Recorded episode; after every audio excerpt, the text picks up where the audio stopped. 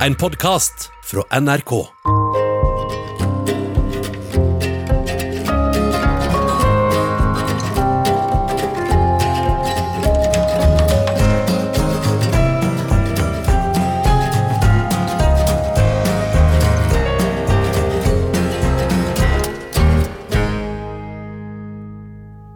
Ser jeg meg tilbake, har livet gått sånn cirka i tiårssykluser. Den største er selvsagt da jeg som 24-åring ble mor. Fordelen med å bli mor i ung alder er at du fortsatt har mye igjen av voksenlivet når de flytter ut. Ulempen var at jeg sto i startgropa på karrierevalg. Som 50 enslig forsørger hadde jeg ofte med datteren min på jobb, som regel til ugunstige tider. Jeg var musikkjournalist, som innebar at jeg måtte gå på konserter og intervjue rockestjerner. Det hendte også at min datter måtte sove under et miksebord her i NRK. Jeg hadde sene kveldssendinger i P3, som på den tiden var den nye ungdomskanalen. Programmet het Rocksrevyen, og når jeg nå sitter her, et kvart århundre senere, er det som å treffe en gammel kjæreste.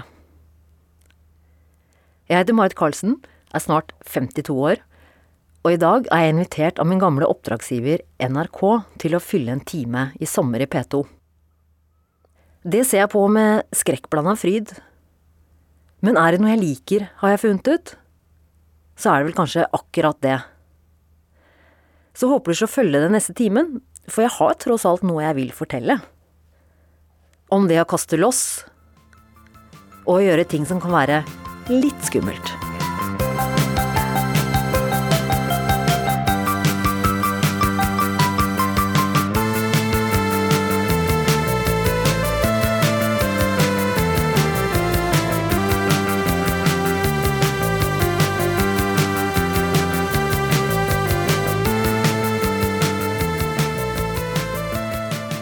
Sannsynligvis eier du en bolig. Mer enn tre av fire husholdninger eier boligen de bor i. Det betyr at hver fjerde nordmann leier boligen sin. Jeg var lenge den fjerde nordmannen. Og det fikk jeg ofte høre at var ufornuftig. Ja, rett og slett litt dumt. Det lønner seg jo å eie. Boligmarkedet i Oslo er håpløst. Både for de som vil inn, og for alle som har blitt stående utenfor. Jeg har bodd i byen hele mitt voksne liv. Jeg flytta til Oslo sommeren jeg fylte 16. Da jeg var 30, kjøpte jeg en leilighet på Grünerløkka. Fem år senere måtte jeg selge for å unngå konkurs. Plateselskapet jeg drev, Trust Me Records, mistet alle inntekter under den digitale revolusjonen på midten av 2000-tallet. Jeg kom meg på beina ganske kjapt, og etter få år var jeg endelig helt gjeldsfri. Jeg har bodd 23 steder i Oslo. 22 av dem som leietaker. Den hittil siste adressen jeg hadde i hovedstaden, var på Adamstua. En ganske koselig toromsleilighet i første etasje i en bygård, med balkongdør rett ut i en egen hageflekk i bakgården.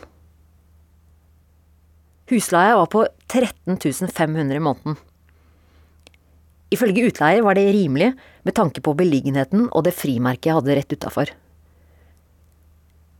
I tillegg til husleia kom jo alt det andre, for ikke snakke om strømregningen. Ettersom leiligheten lå i første etasje, var det iskaldt store deler av året. Det ble heller ikke varmere av at vinduene hadde nådd pensjonistalderen. To av dem kunne ikke lukkes ordentlig engang. Jeg spurte utleieparet som for lengst hadde nedbetalt leiligheten, om ikke det var god nok grunn til å redusere leia. Men det kunne de ikke.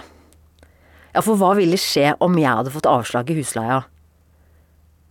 Ifølge utleier ville det rokke ved hele markedet. De måtte forholde seg til markedsprisen. Jeg har så klart hørt om tilbud og etterspørsel, og jeg forstår at utleievirksomhet ikke gjøres av veldedighet, det er næringsvirksomhet. Det er lov å tjene penger, bevare meg vel. Og kunne jeg ikke bare takke meg selv, egentlig?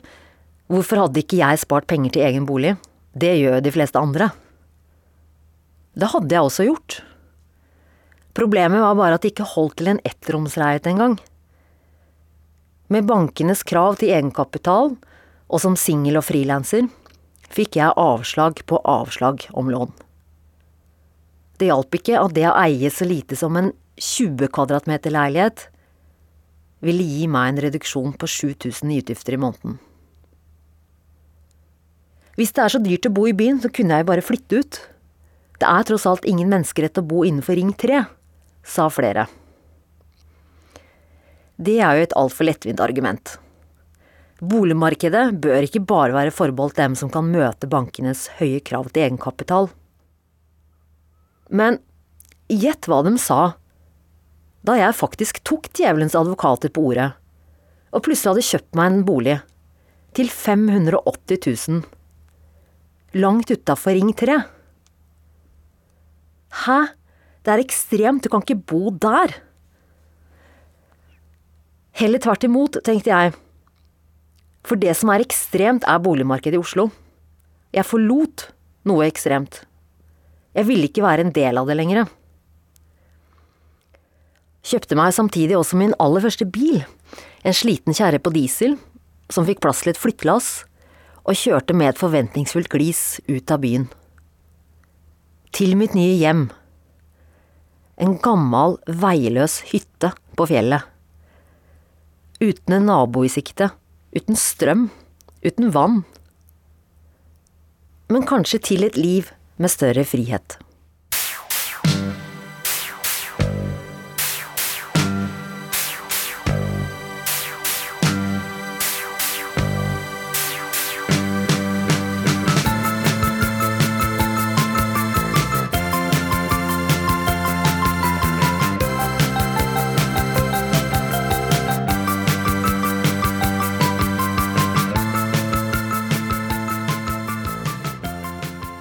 Boligmarkedet i Oslo er den ene versjonen av hva som drev meg til fjells. Eller til skogs. Jeg bor i åpen furuskog, 550 meter over havet. Den andre versjonen handler om at jeg lengta til naturen. Jeg lengta etter å kunne spasere rett ut i den om morgenen, etter å se stjerneklar himmel, kjenne lukta av kvae og barnåler, og etter frisk luft. Jeg lengta etter å holde på ute ikke bare løpe en tur ute, men å skape noe som er mitt. I Oslo løper jeg mye i marka, og også gatelangs.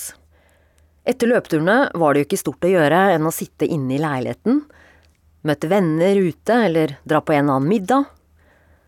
Følelsen av å leve i en boks ble mer og mer påtrengende. Veggene kom tettere og tettere på. Livet var litt firkanta. Den livslange illusjonen jeg hadde hatt om at det var i byen jeg hørte til, og at alle muligheter fantes der, gikk i oppløsning. Var det virkelig mulig for meg å bo et annet sted? Jeg som var så glad i Oslo? Ikke bare er det der jeg har mitt nettverk, voksen datter, familie, venner og kolleger, men også kultur, entreprenørskap, movers and shakers og appåtil nærhet til Nordmarka av fjorden. Alt hva jeg setter pris på. Likevel, det var noe som manglet. Som den følelsen man kan ha i et kjæresteforhold hvor du er usikker på om du skal gjøre det slutt eller ikke. Damned if you do, damned if you don't. Det ukjente kan være skummelt. Men jeg er en spontan person. Det tok derfor bare et par dager fra tanken slo meg til jeg var fullstendig overbevist om at det var på tide med nye utfordringer. Store utfordringer. Jeg ville røske ordentlig i meg selv. En lignende dragning mot endring og nye erfaringer opplevde jeg også da jeg ut av det blå begynte å løpe for 15 år siden. Det var som om kroppen ikke fikk puste. Jeg hadde ikke vært fysisk aktiv siden tenåra, en kveld, 35 år gammel, snek jeg meg ut i mørket. Jeg fikk det for meg at jeg ville prøve å løpe. Rundt Sankthanshaugen i Oslo. 1,5 km. Jeg var i dødsdårlig form etter 20 år i musikkbransjen. Men jeg forsto allerede der og da, med blodsmaken tytende ut av øra, at jeg var frelst. Det var starten på veien inn i noe nytt og bra. Jeg skal ikke skråsikkert påstå at løpingen redda meg, men jeg løp meg ut av en depresjon, og den endret etter hvert på mange måter livet mitt. Løpingen ga meg både mental og fysisk styrke i valget jeg senere tok. Da jeg ankom parkeringen på fjellet med flyttelasset i januar 2018, var det blitt kveld. Og én kilometer å gå opp til en kald og mørk hytte. Det er ingen skam å snu, som vi vet, men for meg var det for seint å snu. Jeg hadde sagt opp leiligheten i Oslo. Der sto jeg med snø til oppetter hoftene, og ja, jeg må innrømme, med gråten i halsen. Jeg var veldig alene. Herregud, hva er det jeg har gjort? Og hvor i helvete skal jeg gå? Så steg en stor lyskule oppover tretoppene. Månen. Jeg kavet opp av snøen for å kunne stå oppreist, la nakken bakover, og så at himmelen hadde valgt å gi meg en vakker velkomst. Sånn, ja. Dette er hjemme under stjernene, blant trærne.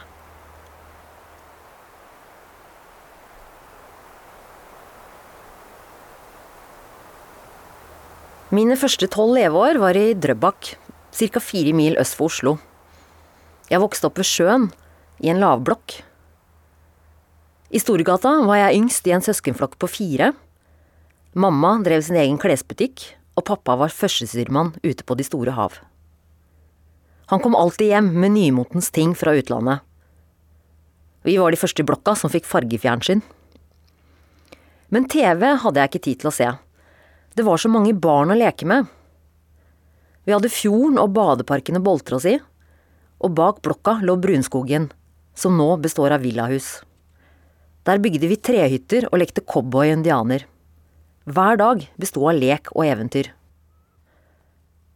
Men sommeren 1980 ble et vendepunkt. Min far ville ta over sitt barndomshjem, et tidligere småbruk på ti mål i Nord-Trøndelag, innerst i Trondheimsfjorden. Sjøgrenda, som stedet heter, bestod av gamle trønderlån. Det vil si hus med fjøs og utedo i den ene enden og bolig i den andre. Mellom fjøs og boligen var det en svalgang hvor vi vasket oss i en balje. Dusj og bad var det ikke. I barndommen tilbrakte vi hver sommerferie der. Uten foreldre, men med bestemor og bestefar. Det var bondeparadis på jord. Vi våknet opp til lyden av melkespann og kyrne som rauta. På stabburet lukta det mel og nybakte brød. For å spe på inntekten hadde de jordbæråker av typen korona. De jobbet ute fra tidlig morgen til kveld. I tillegg måtte bestemor lage måltider og hun vasket også tøyet vårt for hånd.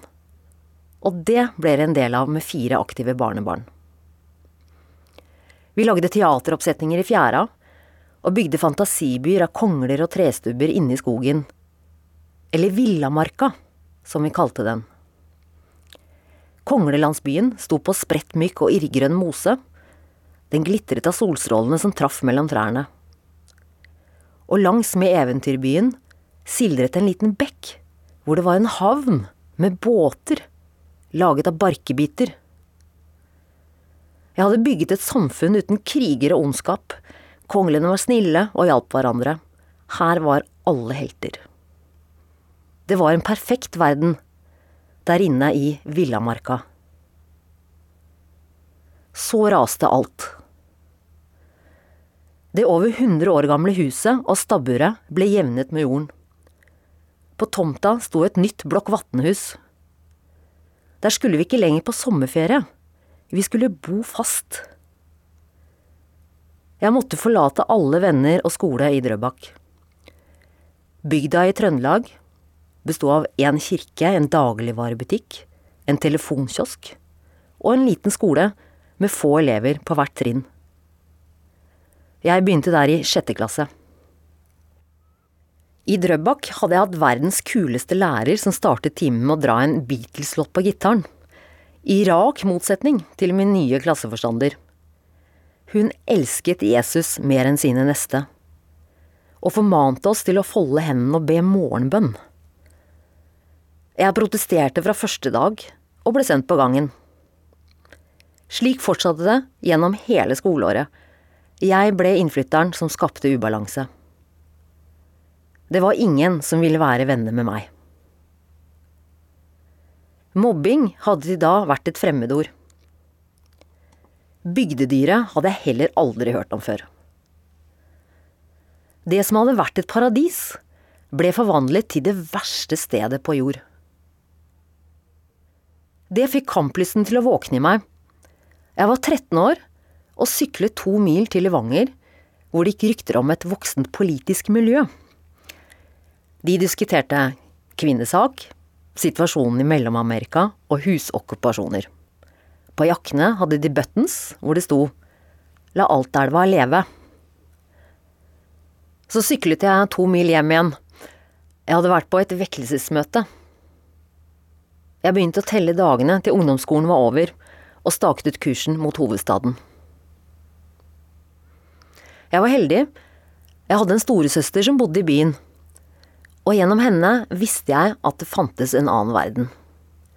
Jeg hadde lagt merke til miljøer hvor de kledde seg i sorte klær, var opptatt av kunst og estetikk, drakk cappuccino og rødvin, røyka marihuana og hørte på nyveivmusikk. Jeg så opp til storesøsteren min, og vel så mye forgudet jeg hennes venner. Flere av dem hadde gått på Forsøksgymnaset, og dit skulle de verve meg.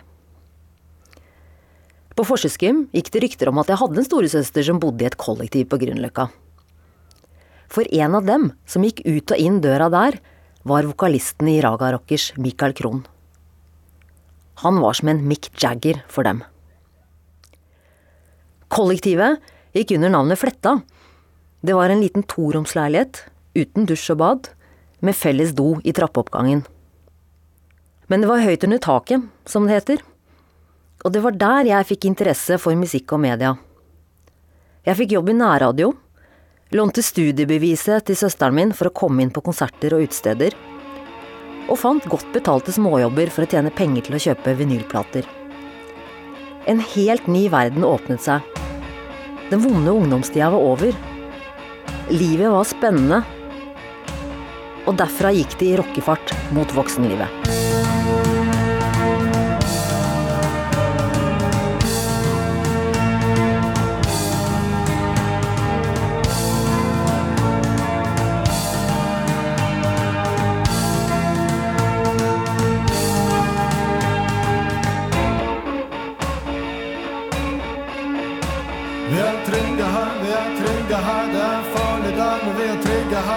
Sanseløse under kupler av glass. Vi kan skrive på veggen og knulle på dass.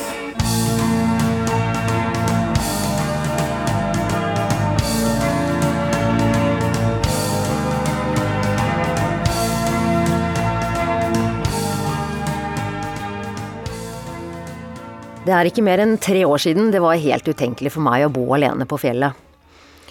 Men så funderte jeg litt på hva forskjellen ville være å bo alene i byen og alene på en hytte. Om ikke for resten av livet, men for å prøve noe jeg aldri har gjort før. Nå har jeg gjort et slags regnskap. Jeg har faktisk tilbrakt flere timer med venner og familie det siste året enn da jeg bodde alene i byen. Ikke at jeg ser dem oftere, men jeg ser dem lengre. I byen var jeg så å si nabo med både datter og mine to beste venninner. Og andre som jeg pleier å omgange med, bodde heller ikke langt unna, bare en sykkeltur, trikk eller T-bane. Det ble gjerne noen øl, og innimellom en middag. En lang kveld sammen kunne være typ seks til åtte timer. Et kort og hastig treff var over en kaffe. I perioder kunne det gå en hel måned uten at vi så hverandre. Men vi visste vi var i nærheten. Det ble med Åssen går det? i SMS, som ble sendt 300 meter lenger opp i gata.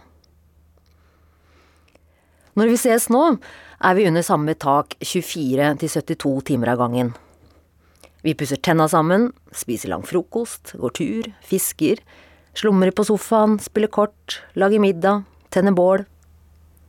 Og når jeg må, eller har lyst til å overnatte i byen, får jeg en nyoppredd seng hos de samme. Omgangsformen har endra seg, og så langt har det vært fint.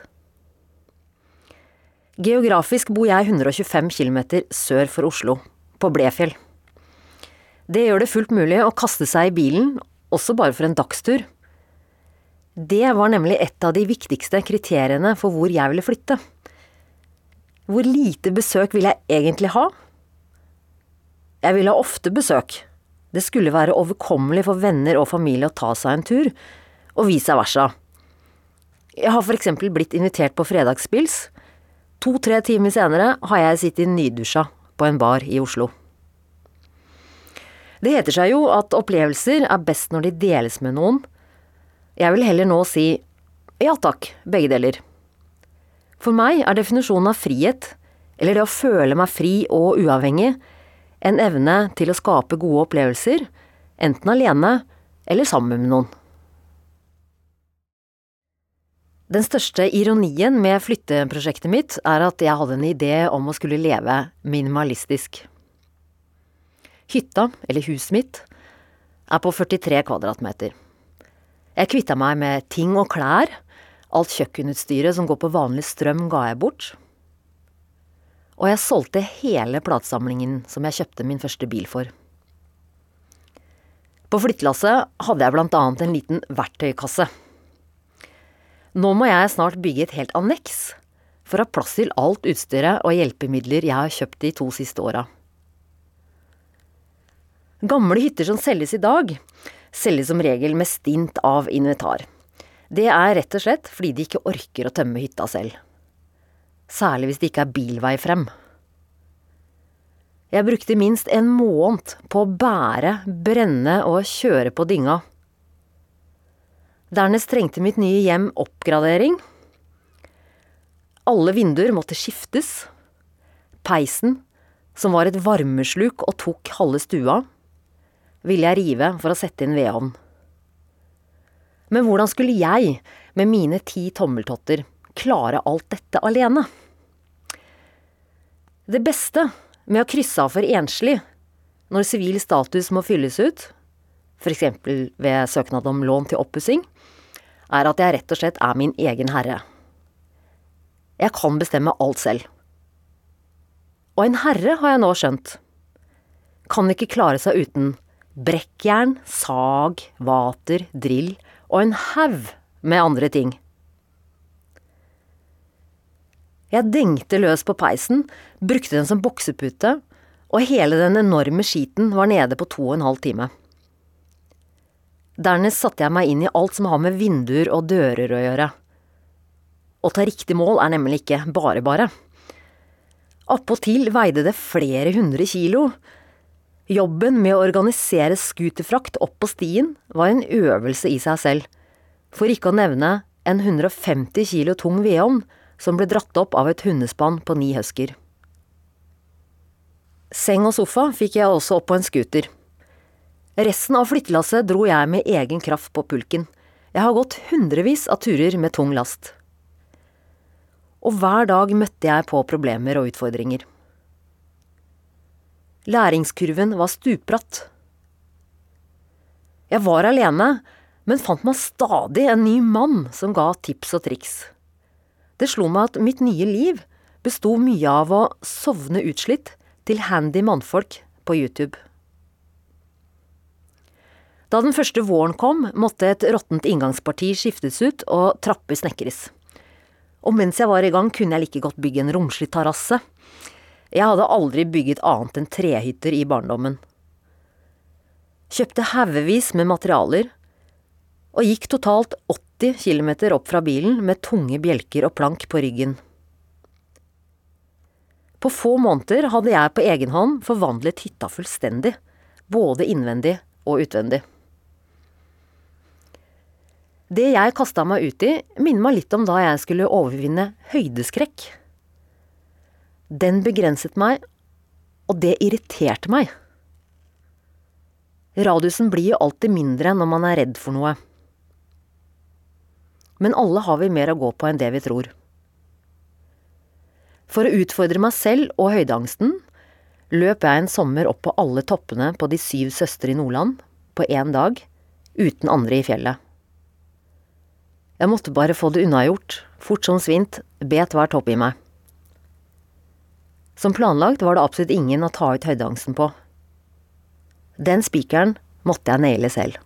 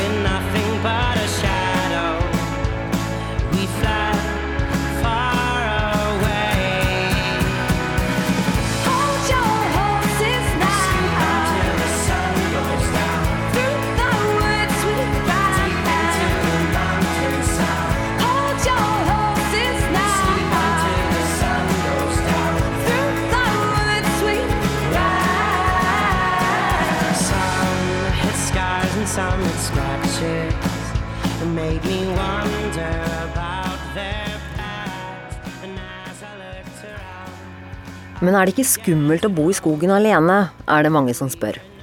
Er du ikke mørkredd? Helt ærlig, det tenkte jeg ikke over. Hvis jeg skulle dvele over alt som kunne bli skummelt og vanskelig, er det ikke sikkert jeg hadde turt. Jeg valgte å fokusere på mulighetene og alt jeg kom til å lære meg. Jeg var riktignok litt mørkredd for noen år siden, da jeg bodde i byen. Det var skummelt å gå ned i boden i kjelleren. Jeg hadde lett for å se for meg den vanvittige skikkelsen Bob fra TV-serien Twin Pics. Og jeg unngikk eksempel å gå gjennom mørke parker om natta, fordi en bypark statistisk sett byr på farer. I skogen derimot føler jeg meg trygg. Sånn har ikke alle det. Så når jeg har besøk, pleier jeg å si at det er lov å være mørkredd. Det er helt vanlig, både blant barn og voksne. Det har jo aldri vært en god strategi å si til mørkredde barn at det ikke er farlig. De opplever det som farlig. Det samme gjelder litt for voksne. Det er fantasien og ikke fornuften som styrer. For egen del har skogsmørket blitt så normalt at jeg kan få det litt dårlig når en storfugl gjør et byks ut av treet. Jeg skvetter. Men det er ikke dyrene som skremmer meg. Det er jeg som skremmer dem.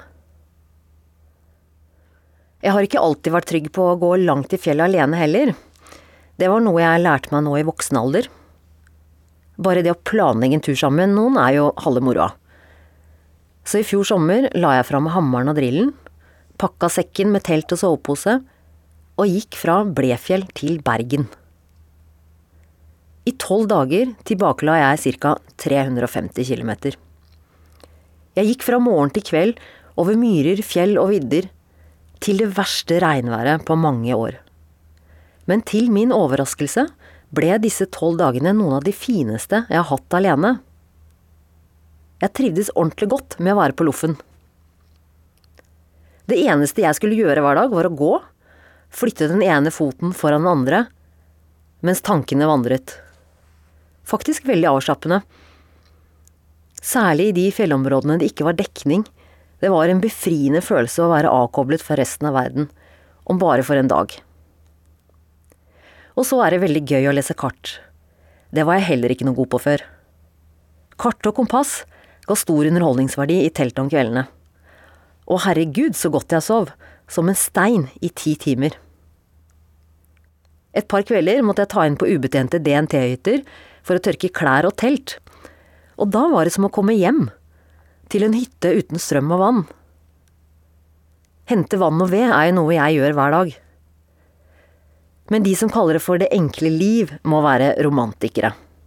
Det er ikke lettvint. Klesvask er vel det som krever størst innsats. Særlig sengeklær og bukser. Men jeg har tatt vare på én god vane fra byen. Jeg skifter fortsatt sengetøy én gang i uka. Det betyr at jeg må ha flere sett med sengetøy nå enn før. for det kan gå lang tid mellom hver vask. Derfor har jeg blitt god på å utnytte enhver vaskemaskin som måtte dukke opp på min vei. Jeg har alltid en sekk med skittentøy i bilen. Just in case. Jeg vasker så klart mye for hånd også, og til det trenger jeg vann. Vann er livsviktig. Jeg kaster aldri vann. Eggevannet brukes selvsagt til å vaske opp etter frokosten. Regnvann brukes til å vaske gulv. Brønnvannet er til kroppsvasken, mens vannet fra elva er matvann. Om sommeren har jeg et badeværelse ved en kulp. Om vinteren dusjer jeg inne i en balje, hvor dusjslangen er koblet til solcellepanelet for å gi strøm til en vannpumpe som legges i en bøtte. Ti liter vann varmet opp på vedovnen holder plenty til både sjampo, balsam, såpe, bodyscrub og rensekremer. Men nå skal jeg utvide vaskemulighetene. Jeg skal lage et spa. Jeg er i ferd med å bygge en liten badstuehytte, hvor jeg også kan dynke meg fra vannbøtter. Et stort prosjekt, med tanke på at jeg må bære opp rundt 600 kilo, men det er verdt det. Det kommer lange høst- og vinterkvelder. Da er det om å gjøre å skape mest mulig velvære. Og det beste blir å sitte der og se ut på månen og gi meg selv en high five for innsatsen.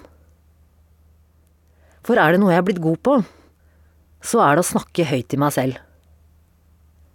Og det er jo tross alt mye bedre enn å ha stemmer inne i hodet.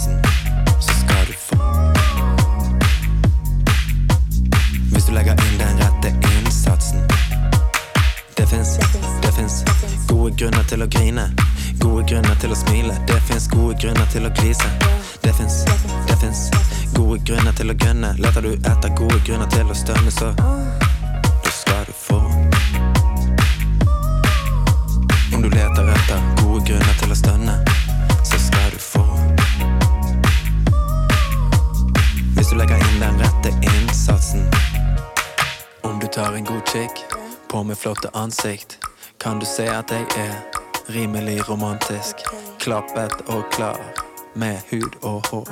Hvis du har det rette speilbildet, så skal du få. Det er mange som bærer på en drøm om å bo i naturen og skape noe for seg selv. Jeg har mottatt utallige meldinger fra folk som bekrefter det. Jeg pleier å svare at jeg ikke har angret et sekund, selv på en dårlig dag. Dårlige dager har du uansett hvor du bor. De kan du ikke flytte fra. Og det er mange utfordringer ved å bo som jeg gjør. Men det var også et av poengene, å søke nye utfordringer. Det fineste og det beste med å bo på en avsidesliggende plass som jeg gjør, er den daglige tilgangen på natur. Å bo i åpen furuskog er litt som å bo i et skattekammer. For det første er det sanserikt. Det er fargespill, lukter og lyder. Solstråler som reflekteres fra tjærene og gir trestammen en gyllen bronsefarge. Lukta av bark og fuktig lyng. Lyden av fuglene som synger. Ugla som hukrer. Og gaupa som en sjelden gang streifer forbi og skriker. Det er soloppgang og solnedgang, og fargene er aldri like. Månen slutter heller aldri å imponere. Og i hele vinter har planeten Venus lyst over hytta. Bare det å gå ut på do om kvelden, på vinterstid, under stjernehimmelen, er en naturopplevelse. Det heter seg at naturen kurerer stress. Jeg tror på det. Bare det å gå ned til bilen løfter humøret mitt flere hakk. Jeg har en snarvei jeg pleier å ta når jeg ikke må gå med pulk eller tralle. Det er gjennom ganske tett skog, men den er frodig og mosekledd, Og hver gang jeg går der og ser den gjengrodde stubben ved en liten bekk, får jeg en god følelse. Det handler ikke om nostalgi, men det minner bare om noe godt. Om da jeg som barn bygde en drømmeverden av kongler og barkebiterbåter. Da vi levde av fantasi og lek, og skogen var et eventyr. Og så kan jeg smile for meg selv og tenke at hvis jeg får barnebarn, så vet jeg hva jeg vil vise dem.